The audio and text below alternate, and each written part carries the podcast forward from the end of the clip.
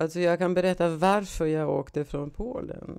För att eh, alltså antisemitiska eh, artiklar och, och, och eh, handlingar och allt det där, det, det, det, det, var på något sätt vardagsmat.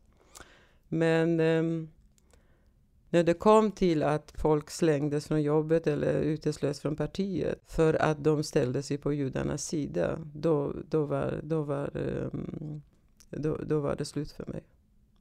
Då kände jag att jag vill inte leva i sånt land. Att man måste välja mellan att vara svin och att vara människa. Och, och förlora sitt levebröd. Jag kände att jag... Framförallt så vill jag inte fostra mina barn, mina framtida barn i, den, i sånt land. Och samtidigt så kände jag att hur skulle jag göra om jag ställdes inför sånt val?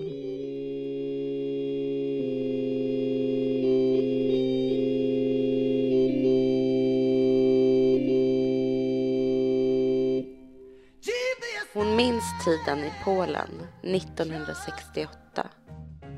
Halina Hylander var en av de tiotusentals judar som tvingades lämna sitt hemland på grund av den då pågående antisemitiska kampanjen.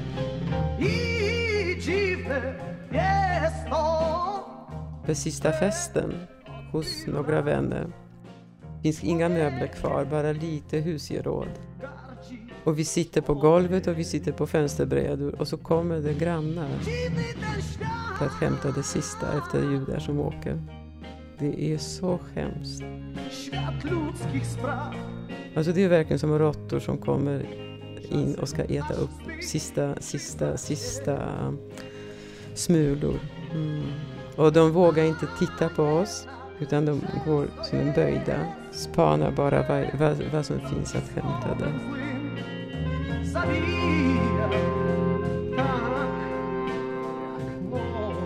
De fick komma in där.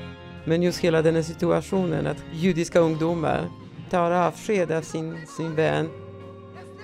När man träffas och dricker och sådär så blir stämningen också glad. Och så kommer de som ska ta över det. Menje Porzydowski, alltså det som, är efter, som judarna lämnar kvar efter sig.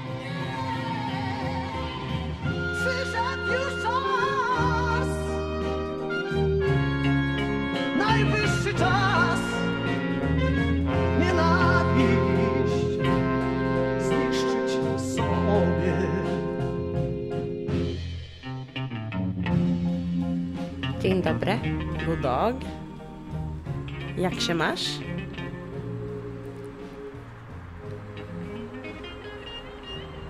Tack så mycket. Nej, fel! Prova igen. Masz? Vi sitter på balkongen. Min kusin Isabelle och jag. Det betyder hur är läget? Typ. Hur mår du? Halinas historia påminner om vad våra mammor också gick igenom. Hjärtsembloddy. Jag vill ha glass. Till skillnad från henne pratar de aldrig om det. Som barn reste vi aldrig dit.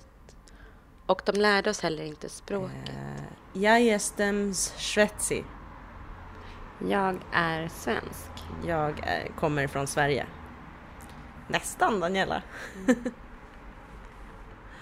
Utrensningen av Polens judar 1968 har präglat vår barndom. Nu vill vi förstå vad som hände och hur det kunde ske endast 23 år efter Förintelsen. Innan andra världskriget levde 3,5 miljoner judar i Polen. 90 procent av dem mördades under Förintelsen. Våra morföräldrar överlevde kriget och blev en del av minoriteten på 200 000 judar i ett land med då 20 miljoner medborgare. Vi tar oss till Riksarkivet i Arninge. Där finns mängder av dokument sparade som skildrar händelserna i Polen i slutet av 60-talet. Det är inte mycket av direkta strider som återstår i detta det snabbaste av krig. Israel har fört ett flerfrontskrig och vunnit överallt. Dessa fakta slås fast om och om igen. Det enda man vet är att ingenting kommer att bli vid det gamla. Arabstaterna är besegrade, deras ryska vapen och sovjetiska stöd har heller inte hjälpt dem. Israel har slagit dem alla och gjort det ensamma och nu ska segern kasseras in. Olle Tolgraven, Tel Aviv. Den 5 juni 1967 inleds sexdagarskriget mellan Israel och de arabiska grannstaterna Jordanien, Syrien och Egypten. Israels seger fick konsekvenser. Polen tog ställning för arabstaterna vilket resulterade i en fullskalig antisemitisk kampanj ledd av den kommunistiska regeringen. Oj, har du sett det här? Att göra Polen judefritt. Flertalet av de polska judar som skyndsamt lämnat Polen de senaste månaderna anser att Polen inte längre är en säker plats för dem och deras barn. Och sen har vi den här artikeln också. Polskt eko från Hitler. Judisk ström flyr ökad antisemitism. Alltså det jag spontant reagerar på, det som jag tycker är rätt intressant, eh, man kollar på svensk media och polsk media på den tiden, att i, i svensk media så, så, skriver man ju klart och tydligt att det här handlar om en, om en antisemitisk kampanj och man kritiserar den kampanjen mot, mot judar i Polen. Medan i polsk media så slår man ju ifrån sig allting och det är liksom allt handlar om att all, all, alla de här reaktionerna mot antisemitismen, det är på något sätt en, en eh, en sionistisk konspiration i, i Västeuropa.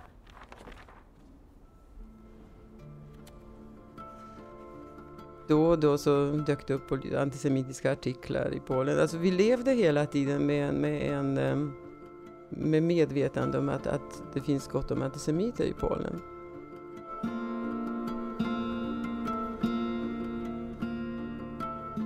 Du vet, när jag var liten så så växte man... Barnens värld och föräldrarnas värld, de var rätt så separerade. Vi hade ju utbyte, inte så många tankar. Vi var lite som observatörer.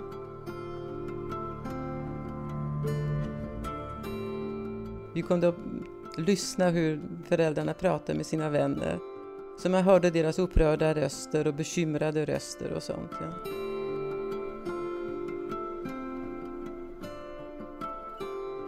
Man förstod på något sätt att, att situationen var farlig. Men, ehm, men vi pratade aldrig om rädslor.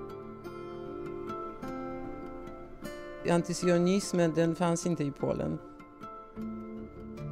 När jag växte upp, det var bara antisemitism. När vi lekte på gården så var det att, att säga lilla, lilla jude, det är żydek, det, det var skällsord. Och jag sa ju själv så.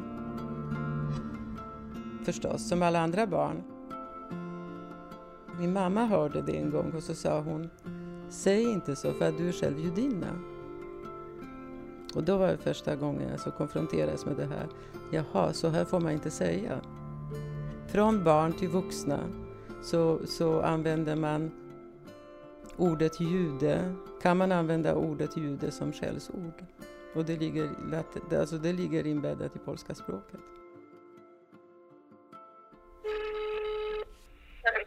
Hej mamma, det är jag. Bea. Isabells mamma. Min moster. Hej älskling. Hej, hur är det? Det är bra, jag är hos Leon. Har ni packat? Är ni klara? Ja, vi är packade och klara. Sitter och förbereder oss nu. Ja, ja. Vi ska göra en resa tillbaka. Hur känner du för att vi ska göra den här resan? Nej, vadå? Det är ju bara trevligt att ni gör det, men... Eh, men vad är du rädd för, mammis? Jag är inte rädd, men jag tycker det är obehagligt. Ja, varför då? men det, det är märk och du vet inte vad du har dem och du kan inte lita på dem. Kan man inte lita på polacker? Nej. Mm. Hur då? Men Viktor, vadå hur då? Jag har upplevt det här direkt då. Det är alltså, Leon blev, blev misshandlad i den här porten ett par gånger. Det sitter länge i, i huvudet. Ja, ja, men jag förstår. Det är lite trauma. Ja, det är klart att det är det. Jag har ju bara varit i Polen en gång tidigare, men jag känner mig väldigt hemma där. det, det känns att det är på något sätt vårt hemland. Även om, om jag liksom är uppvuxen i Sverige. Man känner igen sig. Kulturen och språket.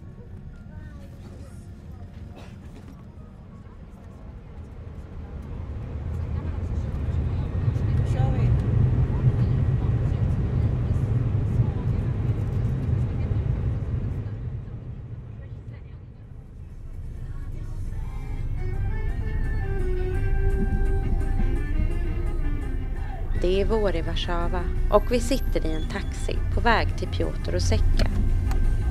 Han är professor på statsvetenskapliga institutionen och har skrivit flera böcker om den antisemitiska kampanjen i slutet av 60-talet och kopplingen till den då pågående polska studentrevolten.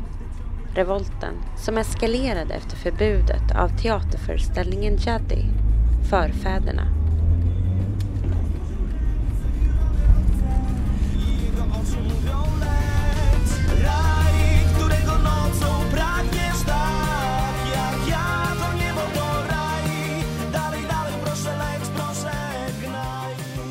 will sit a little bit closer to you because of the Okay. sound to get in the sound. Yeah.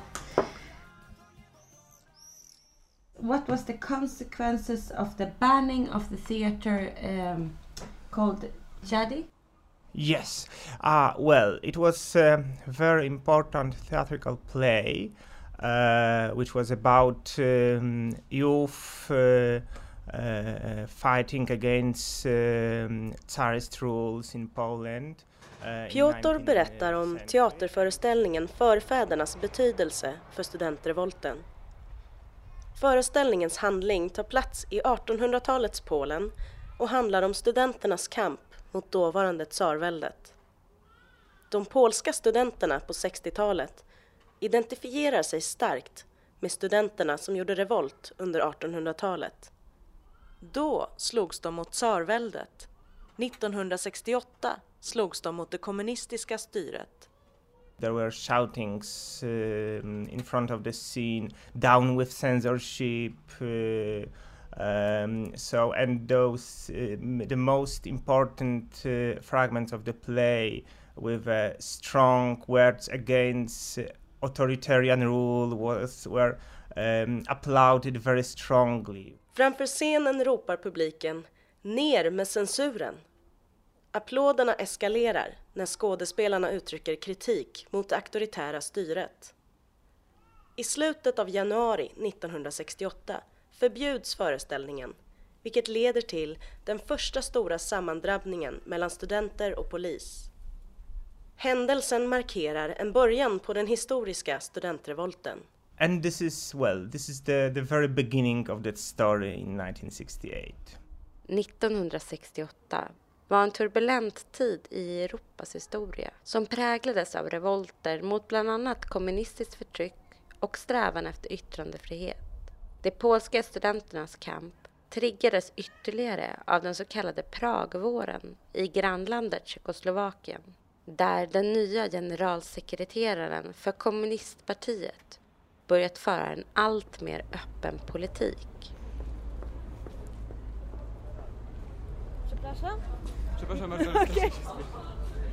Gatan utanför universitetsområdet är hårt trafikerad. De två stora statyerna föreställande muskulösa män blickar ner på oss vid entrén. Ett lugn infinner sig när vi kommer in genom den lummiga gården trots att här cirkulerar mycket folk. Vi ska besöka platsen där demonstranterna den 8 mars 1968 samlades för att protestera mot förtrycket. Hallå?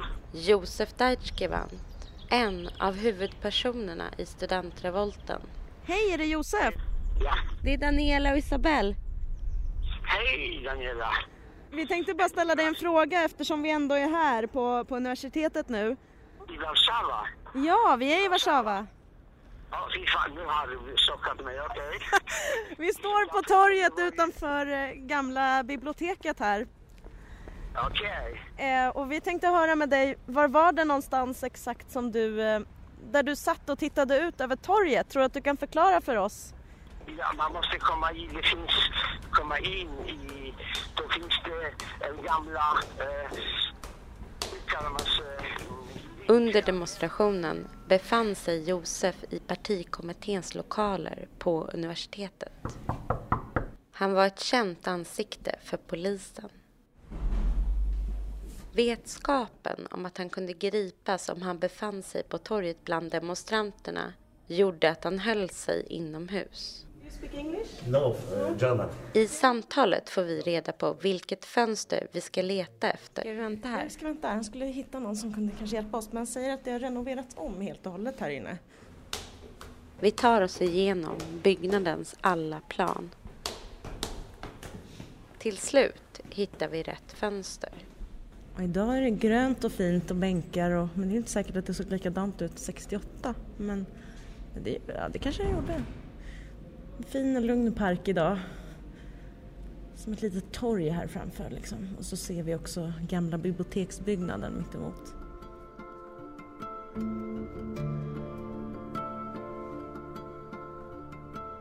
De pressade folk ut. En del försökte smyga vägar och där, där kunde de hoppa. Det, det var ganska svårt. Och ut på gatan då kom de här stormtrupperna med, med batonger och gick i falangsystem, tio i rad och bara slog och slog och slog som automater. Och speciellt fokuserade de på, på, på tjejer. Tjejer var misshandlade. Det värsta jag har sett. Och,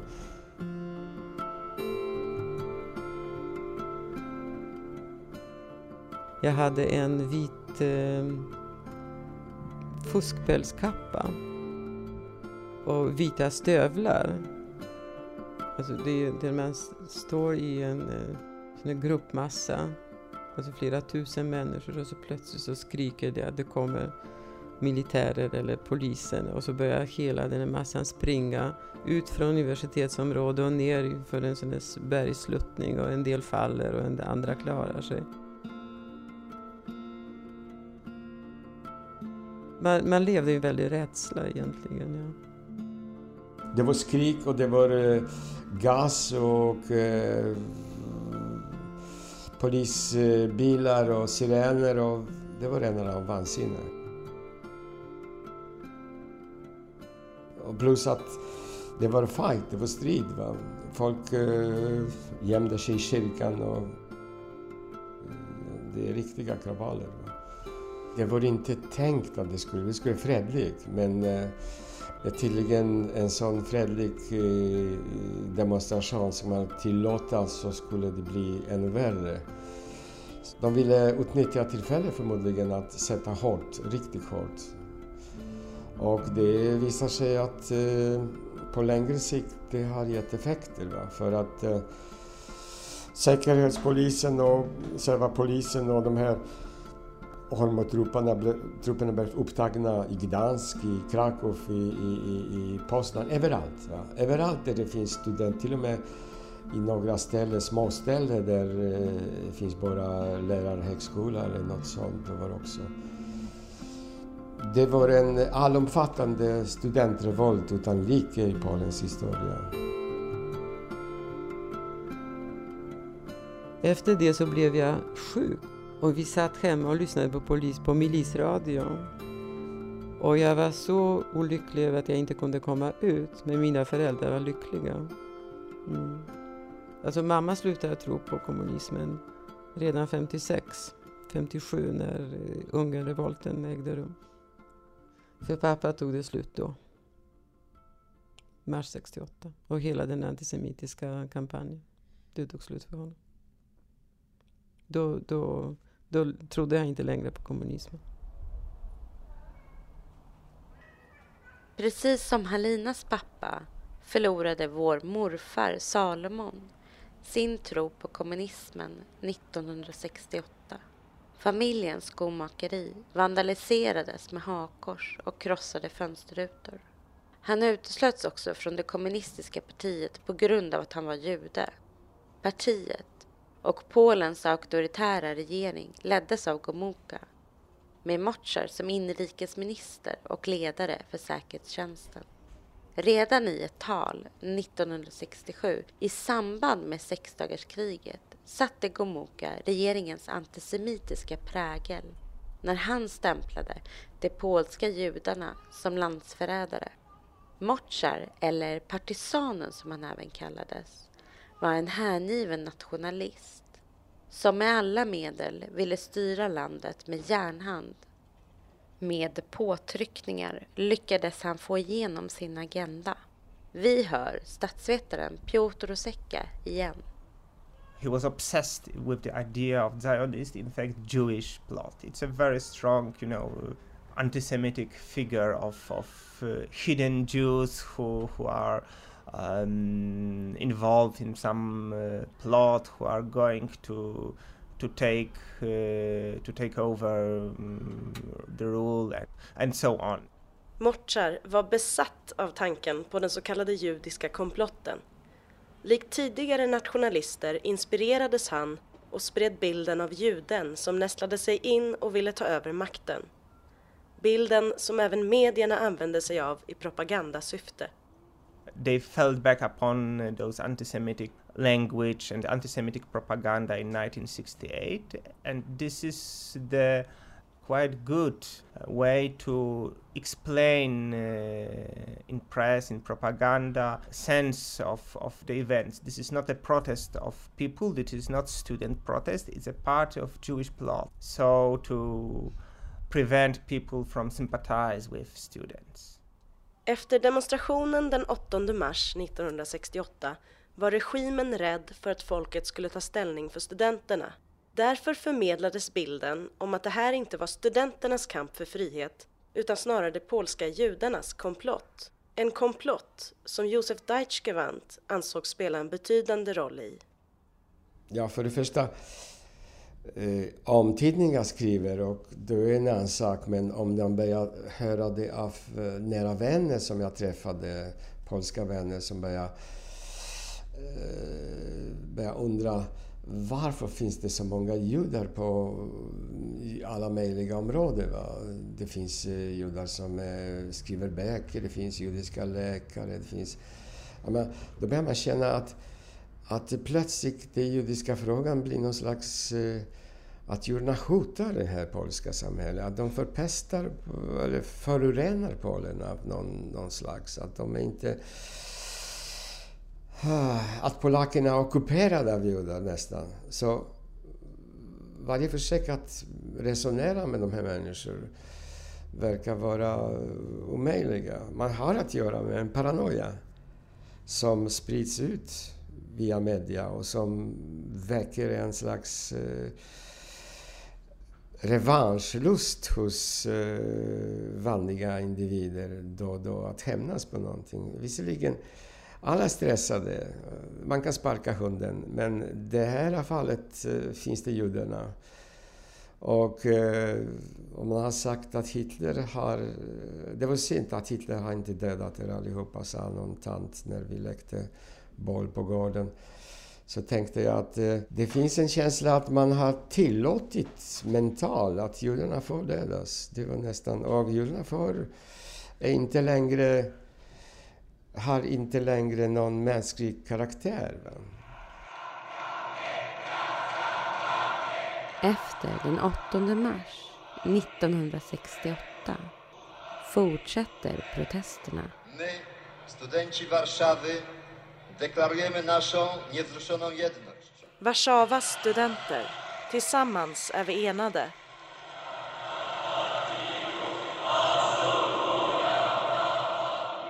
Det spred sig som en läppeld över hela Polen. Alla stora universitet, eller Tekniska högskolan och eh, Konsthögskolan, allting gick i strejk i solidaritet med oss. Vi har rensat luften och väckt ungdomar att tänka själv.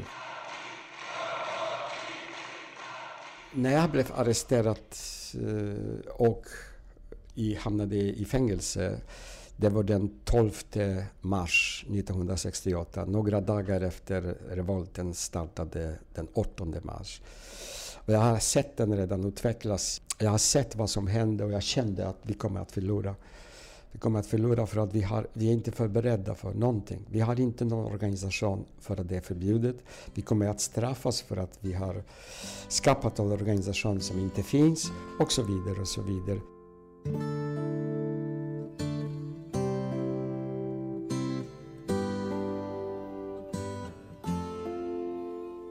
Jag tog en taxi och försökte smita ifrån studenthuset men det var tydligen bevakat. Plockade mig, det var nästan som en gangsterfilm. En taxi stoppades av två bilar. Tog mig in. Jag var tydligen en väldigt hot figur i deras sammanhang.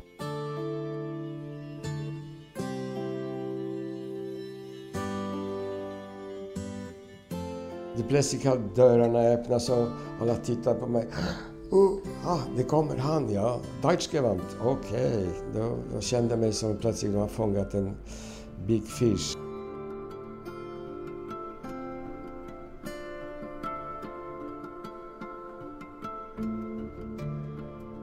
Då var det fem stycken. Först och främst, ta av byxorna. Det är det enda de första gjorde. Jag tog det, tittade på dem. En jävla jude, du vet, det var rena rama nazistil. Rena rama nazistil. Jag tänkte okej, okay, fuck you, vi ska kämpa. Jag gjorde, bestämde mig för att spela psykologisk terror tillbaka. Jag plockade den jävligaste typen som var ledare i hela gruppen och fokuserade på honom. Släppte inte blicken en sekund. Det tog 20 minuter. Han flippade ut. Och de andra började skratta. De tyckte att jag har lyckats med det här. Det kostar mycket nerver och, eh, och sen, eh, sen har de behandlat mig korrekt va? efter det. Korrekt, korrekt ja.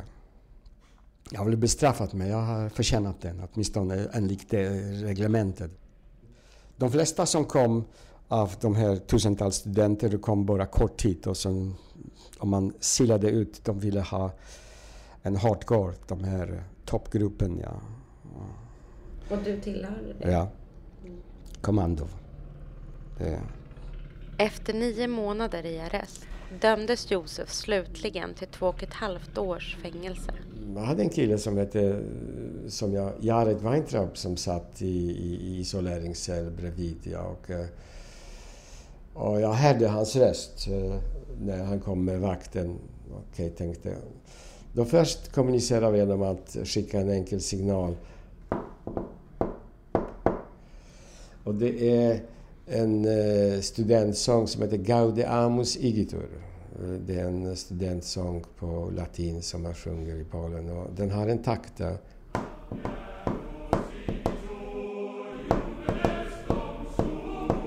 Och den här signalen kunde vi kommunicera varenda cell och veta om det finns någon student där från, från marschhändelse.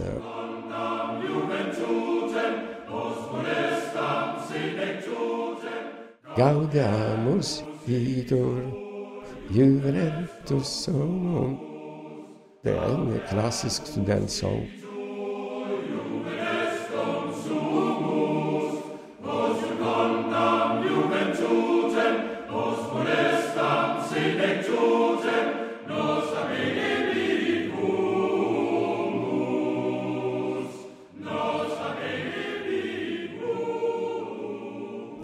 Nog.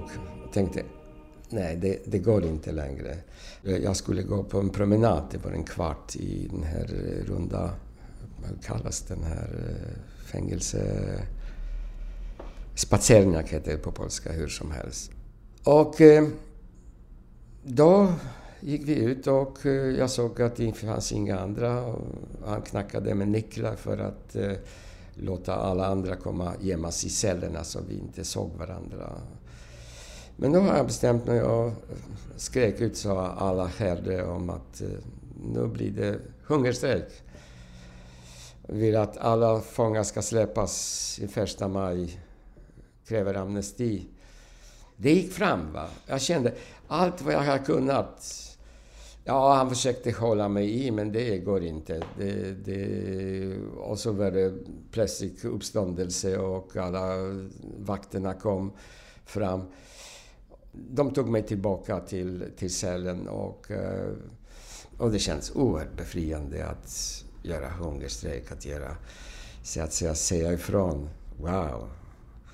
Det var fint och det var vackert. Det där uppror kan vara befriande. Jag fick eh, inte ens långstraff. Jag fick eh, hela tiden bestraffas för, för någonting. För hungerstrejk, för skicka informationer, för att prata för högt på så att jag kunde kommunicera med folk från andra och så vidare och så vidare. Utanför fängelseportarna förvärrades verkligheten för Polens judar. Polens ledare Gomuka fråntog judarna rätten till sin egen åsikt. Alla judar, oavsett politisk ställning eller känsla för nationell tillhörighet, beskylldes för att vara israeliska nationalister. Den 19 mars 1968 talade Gomułka inför det kommunistiska partiets medlemmar. jakie miały miejsce, aktywny udział wzięła część młodzieży akademickiej pochodzenia lub narodowości żydowskiej. I denna studentrevolt har många unga med judiskt påbrå deltagit aktivt. Den här kategorin polska judar är inte knutna till Polen, utan snarare till Israel. Nie jest związana z Polską, lecz z państwem Izrael. De är helt säkert israeliska nationalister, dessa judar. Kan man kritisera detta? Przypuszczam, że ta kategoria Żydów wcześniej lub później opuści nasz kraj. Jag anser att dessa judar förr eller senare kommer att släppa taget om vårt land. Również i dziś tym, którzy uważają Izrael za swoją ojczyznę, gotowi jesteśmy wydać emigracyjne paszporty. Ni judar som sympatiserar med Israel, till er står vi beredda att ge ut emigrationspass. Möjligheten att fly från det kommunistiska förtrycket blev nu en verklighet för tiotusentals polska judar. Vår mormor Ita, som hade överlevt förintelsen, blev livrädd för de antisemitiska strömningarna och ville fly. För Helena Hylander var beslutet inte lika lätt. Jag hade så svårt, jag blev helt stel på något sätt av, av den här um, ångesten att, och våndan att, att, uh, hur, hur jag ska göra. Till slut så förstod jag att um, att eh, när man väl har börjat tänka på det så är det, då är det redan kört. Och jag minns den morgonen då jag satt och åt eh, frukost med min bror. Och han har redan bestämt sig. Och vi visste att föräldrarna kommer att stanna kvar. Vi skulle inte emigrera hela familjen. Och han tittade på mig och så sa han Och vad gör du här fortfarande? Stick! Och anmäl dig. Och alltså det, det, första steget var att jag skulle lämna universitetet och det var det steget som var det svåraste för att universitetet var en stor del av min identifikation. Så det var det jag skulle göra. Jag skulle åka till eh, rektorsadministrationen och säga att jag skriver av mig. Och det gjorde mig med darrande händer. När det var gjort så var jag redan på andra sidan.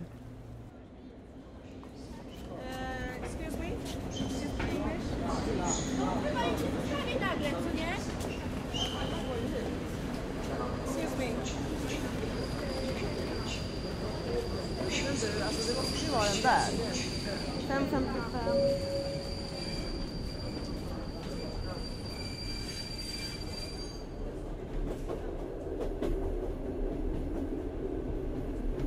Vad spännande det ska bli att, se hur, hur våra mammor bodde i Wrocław.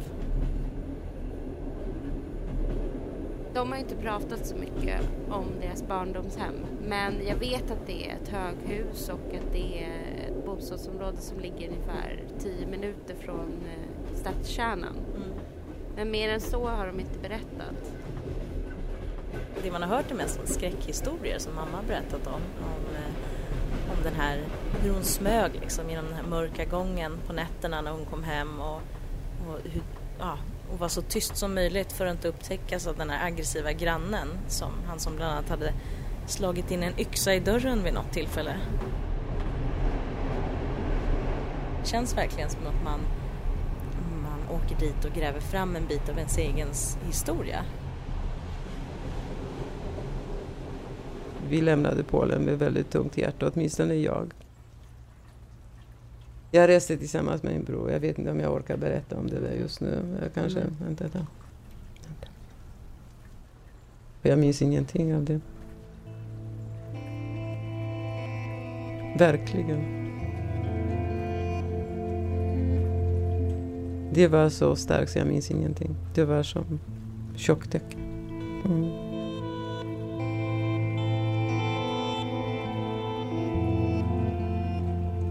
Mamma tyckte att det var okej att vi lämnade Polen. Hon tyckte att det var rätt. Fast hon inte ville det så tyckte hon att det var rätt. Pappa var helt förtvivlad. Det var det som var så svårt.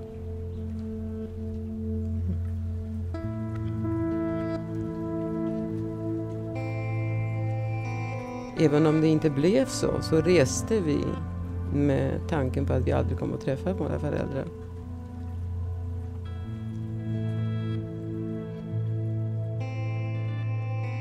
There was people who were quite glad that at last we get rid of them.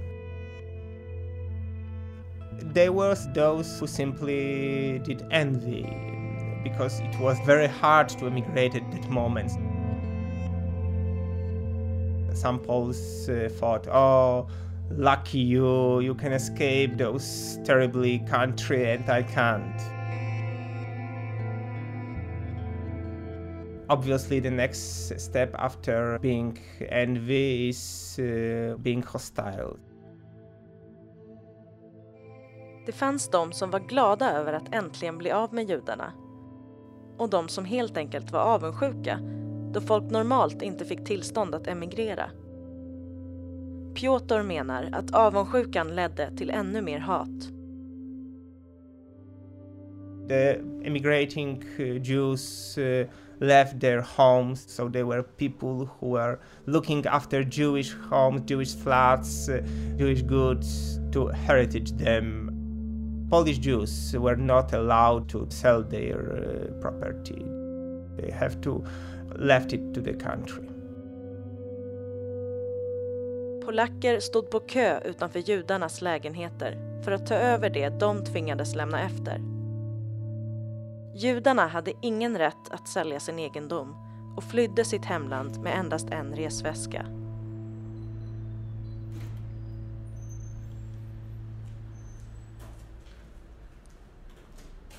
Vi står utanför porten till ett slitet bostadshus i Wrocław.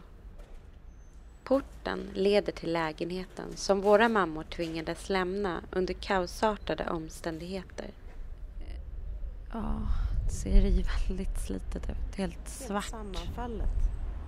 Du kommer se när du går in i det här sjabbiga huset. Det finns inget ljus, det är mörkt i porten, det är såna här grejer. Och så lyser det en lampa inifrån. Lyser gult, men det är det enda som lyser svagt så man ser liksom inte trapporna eller någonting. Jag var jätterädd alltid. Man går genom en portfäst och sen på den där gården och sen in i det där äckliga huset. Jag känner nu så här väldigt starkt att jag kanske inte vågar knacka på i, in till lägenheten. Jag måste... Alltså, hur känner du inför att gå upp och knacka på? Det är faktiskt väldigt nervöst men vi bara göra det. Vad är det värsta som kan hända? Ja. Vad tror du kan hända? Alltså man är ju rädd att det ska öppna någon alkoholiserad och aggressiv liksom. Som inte tycker det är så kul att någon som har rötter härifrån vars föräldrar har bott här kommer och knackar på många år senare. Det är lite ovanligt. Det luktar urin här inne. Gud, vilket ruskigt ställe. Nu går vi upp där Nilla. Får se Den här lite... trappan, det känns som att den ska falla sönder. Så går man två en så är det en toa. Och det var toa som tillhörde två lägenheter. Våran och en till höger där en alkis som bodde. Det var en sån där trä, du vet, utedass. Hemskt äckligt illaluktande. Så jag bajsade heller i skolan eller hos kompisar. Jag får försöka knaggla mig igenom på min polska. Eh, Jag kan säga att jag heter Isabelle och det här är Daniela. Våra mammor bodde här en gång i tiden. De där dörrarna, där bodde vi. Men jag vet inte om det är någon som bor där, om man vågar knacka på eller frågan är om ni ska gå dit själva. Och vi undrar om vi skulle kunna få titta in. Är det, är det, är det ohövligt att fråga om det? Nej, men vad ska vi, vad ska vi annars säga? Ja. Det är ju så det är.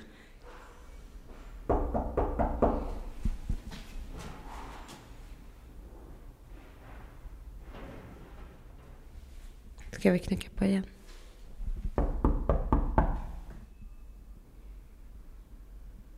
De öppnar ju inte. Kanske inte är någon där. Nej. Ja. Vi lämnar huset med en känsla av tomhet. Alla förväntningar och rädslor är förlorade. Den 22 juli 1969 tillkännagav Polens regering amnesti för politiska fångar. Efter 19 månader av förnedring och tortyr i fängelse var Josef fri. Jag försökte undersöka verkligheten som jag hamnat i. Det var en, eh, kastats in i en helt annan värld. Jag var judenfri. Och judarna var eh, jaktobjekt i alla avseenden.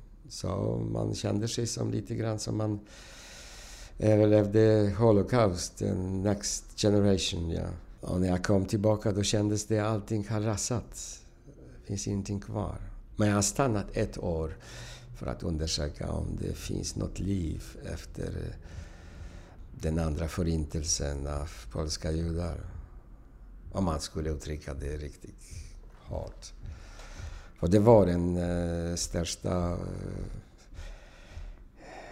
etnisk rensning eh, efter, av judarna efter andra världskriget i, i kommunistisk regi.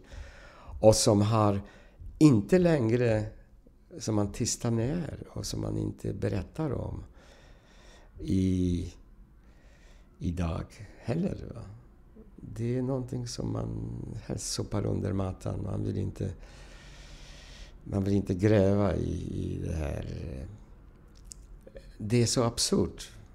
Det är inte Holocaust, men det är en slags en eko av Holocaust. Man har läst eh, Sions viceprotokoll och kommunistpartiet har hedrat antisemitismen och gjorde man en miniatyr av eh, ah, kristallnatten. Ja.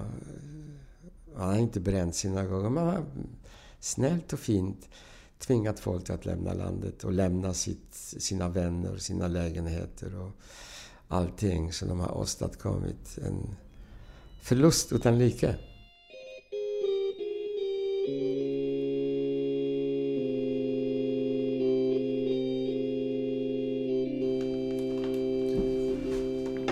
Här är den. Vi är hemma hos Halina i Stockholm. Här är min klass. Vi kan leka och se vilka barn var judiska. Va? En, två, tre, fyra. Hon tar fram en svart kartong full med fotografier från hennes barndomstid i Polen. fem, sex. Och han bor i Sverige. Sju, åtta. Ja, hon bor också i Sverige. Och han bor i Sverige. Hon bor kvar i Polen. Ja, här är kanske 30 barn. Åtta judar. En bor kvar just det, i Polen. Mm.